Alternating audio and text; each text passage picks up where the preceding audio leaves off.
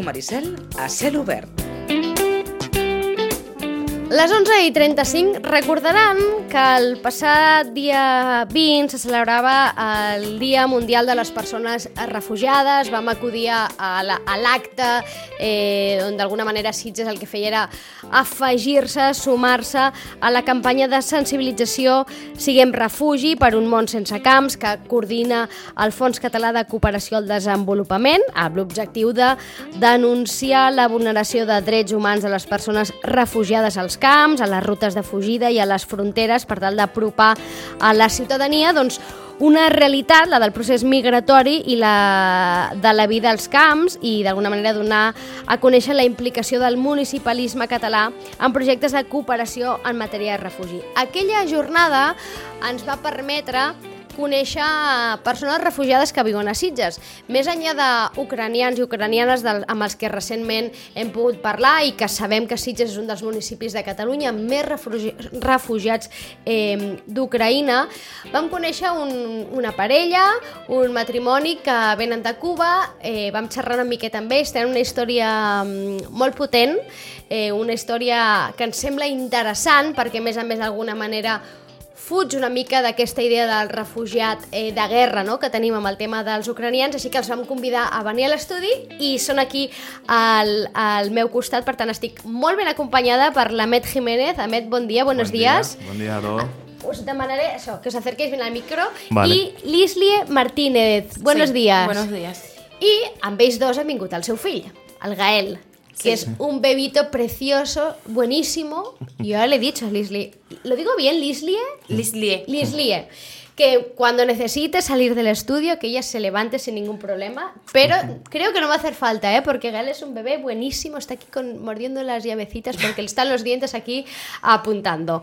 Eh, Ahmed, eh, pudimos hablar un poquito el día de, de, el día de las personas refugiadas el otro día y os invité a venir porque vosotros sois refugiados cubanos. Sí. Desde, ¿Cómo empieza vuestra historia? A ver. Bueno, eh, nuestra historia empieza hace como dos años y medio más atrás que el país empezó a tratar de convidarme a que participara y diera información el gobierno cubano, ¿no? Y como yo no estuve de acuerdo, empezaron con una serie de represalias hacia mi persona, eh, empezaron a hacerme registros en la casa, auditorías en el trabajo y sencillamente eh, me pusieron como persona de interés público. Eso es una limitación que te ponen, que no te permite salir del país. No tienes causa ninguna, no tienes ningún problema con el Estado, pero entre paréntesis no te dejan salir del país y para hacer cualquier trámite, cualquier esa, es a través del gobierno, ellos tienen que autorizarte a hacer las cosas. Uh -huh.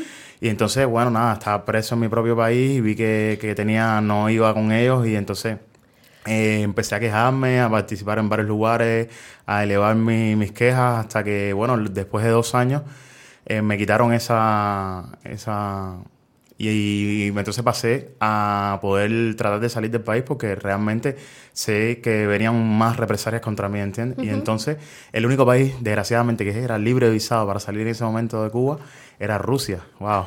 Ahora llegaremos, ¿eh? Ahora llegaremos cómo llegan dos cubanos a Rusia que...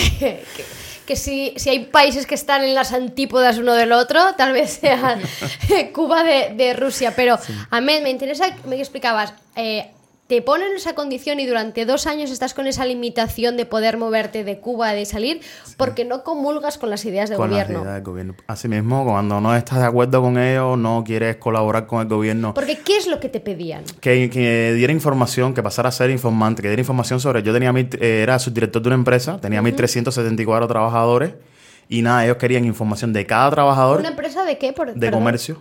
De ¿Sí? comercio de alimentos expendida. Tenía 120 mercados y 52 carnicerías. Y entonces ellos querían información de todos mis trabajadores para controlar a mis trabajadores. Que yo hiciera, que bueno, que me dedicara a informar constantemente lo que hacían los trabajadores, a dónde iban, qué hacían, el nivel económico que tenían, el poder adquisitivo, que frecuentaban, si se habían comprado algo de valor, si no tenían nada de valor. Y yo no estuve de acuerdo con eso porque, una, no tenía tiempo para esas cosas porque trabajaba. Y segundo, no era de mi interés. Si no hubiese estudiado esa carrera, me hubiese dedicado a eso. Pero así por amor al arte no, no iba con, con, con mis ideales, ¿entiendes? Y entonces lo primero que hicieron fue eh, llamarme a través del partido, me hicieron una citación. Y entonces tuvimos que asistir la directora y la comisión de cuadro que, teníamos ahí. Y nada, empezaron al cabo de los dos meses, me hicieron una auditoría, otra segunda, en los dos años me hicieron tres auditorías por suerte salí satisfactorio todo el tiempo, porque no tenía problema ninguno, ¿entiendes? Pero bueno, me hicieron registros en la casa, a veces me paraban en la calle y cuando tiraban la información contra eh, la policía, la policía decía, no, mira que es de interés público. Me revisaban la moto, me revisaban a ver si yo llevaba algo, ¿no? ¿Eso es algo que pasa habitualmente en Cuba? Sí, sí, sí, es muy ¿Con frecuente. ¿Con empresarios? Sí. Con empresarios y con todo el que no, no tiene que ser empresario, todo el que choque con el gobierno, que, que el gobierno tenga un, un, propósito y él y tú no vayas a favor del gobierno, es un problema. Ahí mismo ya vienen todos los problemas porque empieza la represalia no solo contra ti, sino contra tus familiares, contra todo. ¿Tuviste claro que, que no ibas a, a seguir sus órdenes? ¿O dudaste en algún momento sabiendo que eso es una práctica habitual en el país y lo que eso puede conllevar y ha conllevado? Llegó un momento en que por poco, eh, por tanto me flagelan porque era ya era contra mi mamá, mi hermano y entonces llega un momento cuando es contra la familia tú lo... Pero es que decía, no puedo ir porque yo no puedo estar eh, de acuerdo con algo que yo no estoy de acuerdo, ¿entiendes? Ir en algo, no, no estaba de acuerdo con eso y me sentía mal y me sentía mal y bueno, lo que opté fue por renunciar al cargo de subdirector que tenía. Tuve que pasar un cargo de especialista de menor grado para que como no era cuadro, no pertenecía a la empresa como tal, era un solo un técnico, me dejaran libre en ese aspecto. Y después esperar tiempo y seguirle haciendo la reclamación a la fiscalía, al órgano de justicia y quejarme de toda la situación que estaba pasando. Que eran oídos sordos, pero bueno. Leslie, em, ¿apoyaste a, a, tu marido en todo el proceso siempre? ¿En algún momento le dijiste, oye, vamos a pensarnos porque esto nos va a llevar problemas? No, no, yo me quería ir porque de hecho no quería tener un niño allí porque hay carencias de todo. No hay pañales, no hay comida, no, eh, todo es mal. Entonces yo de hecho no quería tener un niño allí. Cuando me enteré que estaba embarazada, más hincapié hice con él en, en movernos, ir aquí, ir allá, hacer las cosas para nosotros poder irnos. Porque mm, ahora explicas esta situación, Leslie. Yo no sé si ahora que estáis aquí, ¿no? Luego explicaremos este mm, eh, paseo por Rusia, que es interesante, ¿eh? pero si os dais cuenta, si creéis que nosotros somos conscientes de lo, de lo que está pasando en Cuba y de cómo se vive en Cuba hoy en día. No, me parece. Las personas, eh, a ver, aquí hemos hecho amistades con que hemos conocido, ¿no? En Caritas, en la Cruz Roja, que personas que hemos conocido de otros países y me han hecho muchas preguntas, que si es, eh, eh, me pregunta, por ejemplo, tenemos una amistad colombiana y me pregunta, ven acá, ¿es verdad que en Cuba es esto? ¿Es verdad que en Cuba le quitan la leche a los niños a los siete años? Fue una pregunta que me hizo. Y entonces yo le digo, es verdad, eh, pasan estas cosas, le quitan la leche a los niños a los siete años, de ahí para allá le dan yogur de soya, un yogur que es inventado, que no, cosas que no. Y entonces me dice, ah, entonces es verdad lo que me dicen mis amigos. ¿Y cómo es eso que la comida es por la libreta? Nosotros tenemos una libreta de abastecimiento, donde te dan siete libras de arroz al mes, media libra de aceite por persona, eh, dos libras de azúcar, así, productos restringidos por la libreta. se llama productos normados. Y entonces, cuando se te acaba eso, ellos habían creado unos mercados que tú compras por la libre. El azúcar a 8 pesos la libra, el arroz a 5 pesos, así. Eso se acabó. No hay productos ni para la población. Y entonces, eh, las cosas se han ido complicando mucho más que en años anteriores. O sea, que Ahmed, Pero la gente no es consciente de la realidad de lo que vive el cubano. Y claro, es que aquí vemos Cuba como un paraíso, ¿no? Porque aquí pensamos, los de aquí, y me incluyo porque creo que puedes hacer una idea más o menos generalizada, ¿no? Pensamos en Cuba como un lugar de vacaciones idílico, Para ¿no? El turismo, claro. Pero claro, luego llegáis, eh, pues personas como vosotras que sois cubanos, que mm. sois de allí, que vivís y habéis vivido la realidad y nos contáis y decimos, ostras, eh, ¿cómo puede ser que vivamos como de espaldas a esta realidad, ¿no? Sí, porque el país ha invertido mucho en, tener la cara esa hacia internacional de que todo va bien, en la de publicidad. que todo fluye, en la publicidad. De que todo va muy bien. Y entonces, eh, para el turismo, el que viene de turismo lo ve todo muy bien y le crean un esquema, un background al, turista que todo en Cuba fluye bien, pero en la realidad cubana es muy diferente, muy, muy, muy diferente. Em, vamos a, esta salida de Cuba. Después de, que te persiguieran mucho, consigues que, os dejen salir y el único país, digamos, disponible al que podéis viajar es Rusia. Y no os lo pensáis, ¿eh? No, no, no, ahí salimos. Y bueno, de Rusia salimos también, vamos. es más difícil salir de Cuba que, hay muchos mecanismos, una serie de mecanismos para tenerte controlado 24 horas que dije, bueno, en Rusia a lo mejor hay otra posibilidad y así, así fue cuando llegamos a Rusia después de haber estado mucho tiempo en Rusia, una persona que se hizo amiga de nosotros, que era traductora, porque cuando llegas ahí te pasan por una comisaría, y ella nos vio la situación, vio que Lislie estaba embarazada y nos se acercó y nos dijo, mira, yo les voy a decir una cosa, eh, aquí van a pasar lo mismo que Cuba, porque ya vienen con una indicación de que los mantengan bajo vigilancia, esto, y de bueno, entonces enseguida empezamos a buscar a motorizarnos para salir de Rusia también. Ya yo había pagado alquiler de tres meses en Rusia. Yo pensaba establecerme un poco ahí, ¿no? Y, y buscar otra vía para... O sea, llegasteis dispuestos a estabbleceros en Rusia, ¿eh? Sí, sí, sí, porque ¿Qué? dije, bueno, si salgo de Cuba, pensé que nada, que ya saliendo de Cuba voy a quitarme esa serie de... Pero, a ver, Lislie, ¿tú sabías dónde ibas? Porque, claro, Rusia, a ver, mm, es las antípodas de, de- de- de Cuba, aunque solo sea por, por clima, por su gente, por la manera de ser, no tiene nada que ver. No, no tiene nada que ver. A mí no me gustó. Yo lloraba todos los días y no me quería levantar de la cama. Y a mí me decía, pero tienes que levantarte. Yo le decía, no, no, no me gustaba. Lloraba todos los días.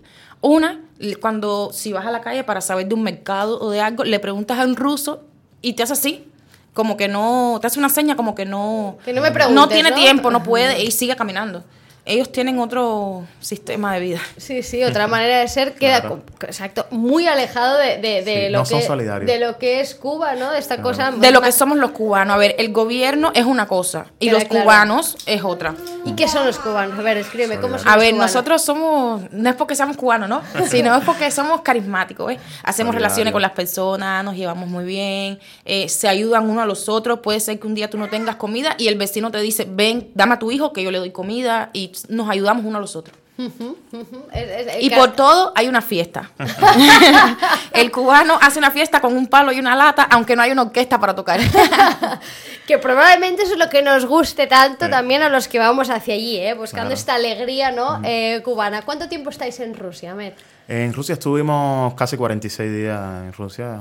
Que Ah, se- fueron muy largos, ¿eh? por Sí, lo que sí. explica Lislie, Sí, se sí, hicieron sí. muy largos. Bueno, y de hecho ¿Llegasteis en invierno? ¿En qué época llegasteis del En año? verano. En verano. Menos mal, porque Sí. igual si llegas en invierno, Lislie, con el frío que hace en Rusia. No, pero a las 5 de la tarde ha sido un frío que... Salimos de Cuba el aguantamos. 31 de julio.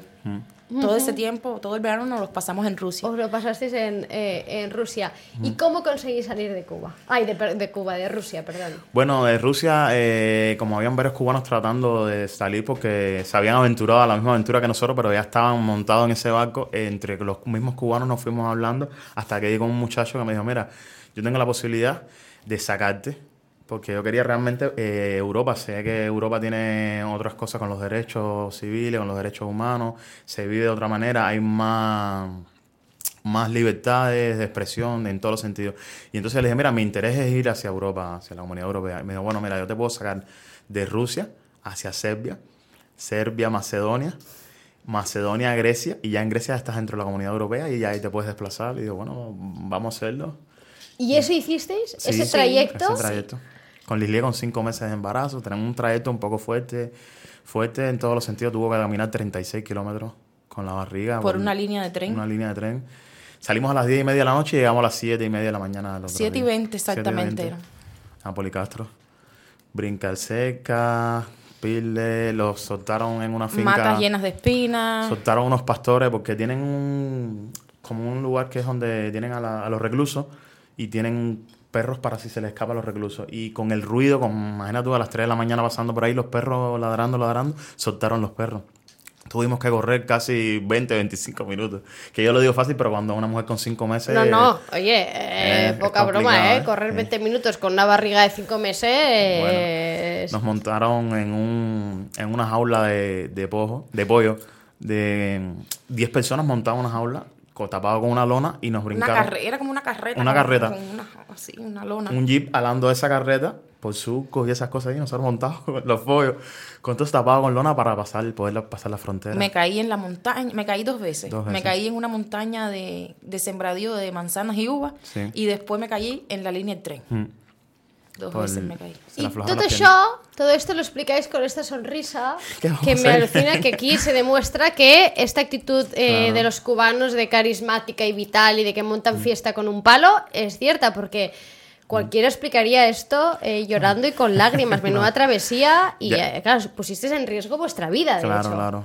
Pero t- la idea siempre de, de ir adelante, de progresar, de salir de todo aquello, dejar toda esa problemática atrás, dejar todo ese sufrimiento, era lo que nos impulsaba. Yo casi que a las 5 de la mañana ya no daba más, pero decía, tengo que hacerlo por mi hijo y por mi, por mi familia y seguir y seguir y seguir. Y fue lo que me dio la fuerza. Y bueno, ahora lo cuento con un poco de alegría porque ya salí de ese proceso y ya estoy tranquilo aquí en Porque es algo ya contento. vivido y Sí, ha sí. pasado, ¿no? Y es una anécdota que quedará para siempre, Para siempre. eh, en vuestras vidas, pero que madre mía, eh, menuda vivencia. Finalmente llegáis a Grecia. De Grecia salimos hacia Italia. Y en, en Italia nos recibió unas amistades de nosotros en, en Milano y nos llevaron hacia Soresina, un pueblo muy bonito de Italia. Y bueno, y ahí estábamos más tranquilos hasta la- que llegó unas amistades de nosotros que visitaron Italia, de aquí de España, nos hicieron el favor de traernos hacia acá. Pasamos todo un periodo. Porque entiendo que vosotros ya teníais en mente que queríais venir a España. Sí, Sí. por el tema del idioma, como habíamos sido colonia, como siempre ese, Ese esa- vínculo, ¿no? Esa fraternidad entre los cubanos y los españoles, y más aquí Cataluña. Y entonces, nada, dije, bueno, hacia, hacia Barcelona y nada, con Todo mente esto abierta. entiendo que con lo opuesto. Porque que- Sí, usted to- solo tenía, eh, en principio en Macedonia nos dijeron que eran 5 kilos por persona. Y ya cuando estábamos en la frontera para venir a Grecia, 2 kilos. Bueno, ya era lo que... En cada lugar que nos quedábamos, que nos hospedábamos o Dejábamos cosas. Mm. teníamos que dormir, e- era dejando todas las cosas. Eh, cada vez eh, nos quedábamos con menos, hasta que nos quedamos con lo, que, lo opuesto. Con lo opuesto. con sí. lo opuesto. ¿Y en qué momento llegáis a Sitges? Bueno, llegamos el 11 de septiembre. eh, muy, muy bonito, me gustó muchísimo. Veníamos por toda la carretera mirando, mirando. Disculpa, ¿y cómo Sí. llega y por qué a Sitges? ¿Cómo llegáis? ¿Quién os habla de Sitges? Eh, una amistad de nosotros que teníamos aquí en común, que vivía aquí, bueno, él está desde el 85 ahí en Siche, y nos dijo, mira, para acá, que aquí no les va a pasar nada, ya no van a tener ese miedo, eh, todo es muy tranquilo, van a ver que es muy diferente de lo que ustedes me están contando de Rusia. Eh, vengan y se quedan aquí en mi casa, eh, mientras tanto, en lo que se resuelve la tramitación de los papeles. Soliciten asilo político por el tema ustedes mismos políticos están pasando y bueno, vamos a empezar a, a hacer el tema de los papeles y las cosas y bueno, y paramos en su casa. y así llegasteis a Sitges. Y así llamamos así. ¿Qué tal aquí en Sitges? Bueno, aquí en Siches nos han brindado mucha ayuda. Desde Cáritas, después servicios sociales y la Cruz Roja. Hemos eh, navegado con suerte porque hemos necesitado en varias ocasiones una ayuda, un apoyo, y ahí han estado las personas de derecho civil siempre dándonos la mano, preguntándonos. En Cáritas, ver una persona dedicadísima y súper cordial, preocupado con todos los temas, diciéndome que lo que te hace falta me llamas, no pases trabajo, tienes un bebé, aquí estamos para ayudarte, pasa por aquí. Y esas cosas te van dando ánimo a, a seguir luchando. Nada, quisiera incorporarme lo antes posible a la sociedad. Estamos esperando. Ahora, ¿cuál es la situación? ¿Cuál es vuestra situación? eh, Estamos, digamos, somos legal? demandantes de, De asilo de político. De asilo político. Sí. Y entonces, nada, ya fui al SOC a, a solicitar el, el trabajo y así me estoy integrando poco a poco a la sociedad. Porque pa- ne- para poder, eh, de alguna manera, eh, trabajar y estableceros aquí, necesitáis que os den este asilo político. Sí, la tarjeta roja, que es la que tiene el número de seguridad social y te permite trabajar. Ujú. ¿Y quién os da el asilo político? ¿El gobierno de España? ¿Quién os lo Sí, tiene que dar? sí. Sí, el gobierno, sí, de aquí. España. ¿Y cómo funciona este trámite? ¿Se da siempre? Eh, que- ¿a, qué se- a quién se No, a ver. solicita? ¿De qué? Eh, por eso, es un, un tema un poco complicado porque ellos tienen que darte, a- aprobarte el asilo político de acuerdo a las condiciones, a la documentación que tú presentes. Yo me presenté las citaciones que me había hecho la policía, presenté las cartas de la fiscalía dándome respuesta. Pero bueno, es un tema que, que estoy en espera de respuesta, pero se demora porque son muchas personas solicitando. Y más ahora con el tema de Ucrania, muchas personas que hay que ayudar porque es otra situación, es guerra. Y entonces se ha demorado un poco, ¿no? Pero bueno, estamos pendientes nada más que nos den respuesta. Esperemos que nos las aprueben. Si no las aprueban, bueno, tendremos que buscar otra vía. ¿Y el tema de la vivienda? ¿Os ha cogido este amigo vuestro, este conocido vuestro? En- ¿Cómo la veis? Bueno, eh, ahí realmente estábamos viviendo un poco una situación un poco precaria porque dormíamos en la sala de la casa esto, y entonces conocimos a otra cubana a través de él y junto con ella nos dijo, mira, bueno, si ustedes más o menos, eh, ahora mismo eh, la situación que tiene cuando ella salió embarazada, eh, la Caritas y Derecho Civil nos ayudó con el tema, como había dado un- a luz un bebé, Sí. nos resolvieron en el hostal Termes. Pero eh, el hostal es un poco caro y al paso de los como el tercer mes Sí. Eh, nos dijeron, mira, tienen que ir buscando alguna forma, si buscan algún local o algo, nosotros los seguimos ayudando. Entonces Sí. nos decidimos a la tarea de con esta otra cubana compartir un piso. Y ya ahí es lo que estamos haciendo, compartiendo pisos y... Y nos ayuda a derechos civiles a Derechos pagar. civiles a pagar. Porque todavía no trabajamos. Claro, que- que- y entiendo que eh, ahora el, objet- entiendo que el objetivo es estableceros aquí en Sitges. Claro, ¿no? sí, sí. Y claro. poder criar a vuestro hijo Gael Claro. aquí en Sitges. Sí, Sí, sí. A Leslie la veo con una energía, a Med también, ¿eh? pero Leslie lo tiene tan claro que ya quería salir de Cuba y, y que, y que este es su sitio, ¿no? ¿Has Sí, encontrado sí. ya tu sitio? Sí, Sí, sí, me sí, gusta sí. mucho. Además, es un lugar tranquilo para criar un niño. Hay muchas fiestas y eso, pero, pero es un lugar como familiar. Todo el mundo los veo que se lleva bien, todo el mundo va a la playa junto, todo el mundo come junto, todo está bien y es un lugar tranquilo para, no hay peligro para los niños. Es bien. Ideal para establecerse uno. Mm. ¿Dónde os gustaría trabajar o qué os gustaría, en qué os, en qué os gustaría trabajar? Bueno, yo en algo relativo al mismo al propio comercio, en una tienda, un almacén de logística, que es lo que yo sé y, y domino con, con facilidad. Pero bueno, si no, en cualquier cosa que aparezca. En cualquier cosa que aparezca. A mí me gustan más las oficinas, lo que es trabajar con los papeles y esas cosas, la computadora. Me gustan más las oficinas. Bueno, pues eh, ojalá, ojalá vuestro futuro de alguna manera se estabilice por fin aquí en Sitges. Yo, yo no sé si os han explicado que habéis llegado a un municipio que es Sitges que además tiene una relación con Cuba muy estrecha. Sí, sí, ¿Os han contado un poco? sí, sí. Sí, eh, nos- eh, aquí salió Bacardí y bueno, la, la relación con Santiago de Cuba y con Cuba, Sí. la- aquí hay calles con Sí. nombres de Cuba, San La Francisco. calle Isla de Cuba, Isla la de Isla de Cuba, Cuba, sí. exacto, sí, y entonces eso me, me encanta, me gusta más todavía, me siento más ameno. Realmente ustedes son muy sociables también, tienen muy buen carácter y muy solidarios y eso me gusta porque en otros pueblos, otras cosas que he visto, son más, más rápidos, más, más separados, más dinámicos y no, no atienden a nadie, solo están pensando en sí mismos. Y aquí no, aquí te brindan la mano, cualquier persona te ayuda, te pregunta qué te pasa, en qué te podemos ayudar. Qué bonito habláis de nosotros.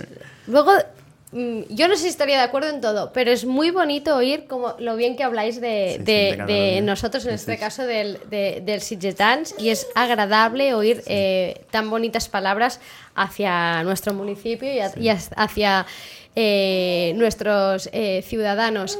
Entiendo que os están ayudando ahora de eh, derecho civil, ¿no? Sí, derecho social derechos y. Cáritas y todo. Yo no sé si esta ayuda es finita, si os han dado un término o no, o hasta que consigáis estabilizaros, ellos han dicho nosotros os vamos a acompañar en todo este proceso. Sí, nos, nos estarán acompañando el proceso hasta que ya yo encuentre trabajo. Pero bueno, como la, el mismo, la misma solicitud de asilo político te permite a los seis meses trabajar, De acuerdo. ya ahora, mañana mismo, gracias a todo lo que existe, tengo cita previa en San Joan Sí. Para solicitar la tarjeta roja.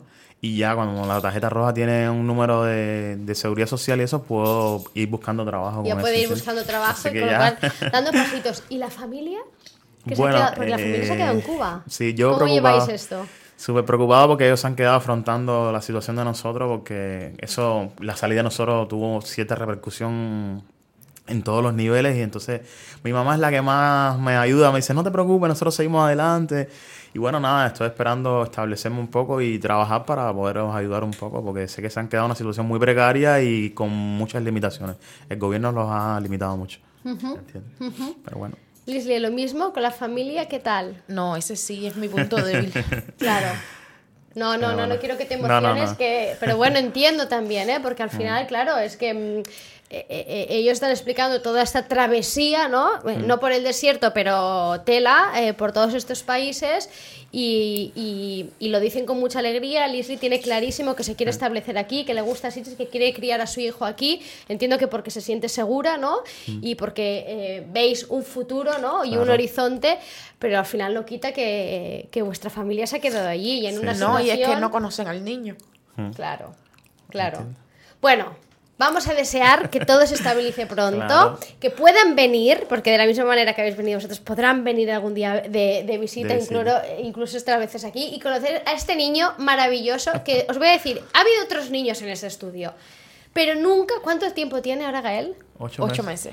meses. Vuit mesos.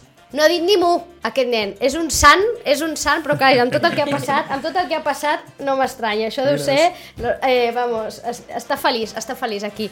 I nosaltres contents, Ahmed, Lislie, muchísimas gracias por venir. No, Gracias gracias, a a usted ustedes por por, acogernos y ayudarnos en todo. Os deseamos toda la suerte del mundo y cualquier cosa, gracias. eh, aquí estaremos también para echaros una mano en aquello que podamos. Vale, muchísimas gracias. Gracias a todos Muchas ustedes. gracias. oyentes. Hasta luego. Nosaltres ho deixem aquí. Tornem demà a les 9, que acabi de passar molt bon dilluns. Adéu-siau.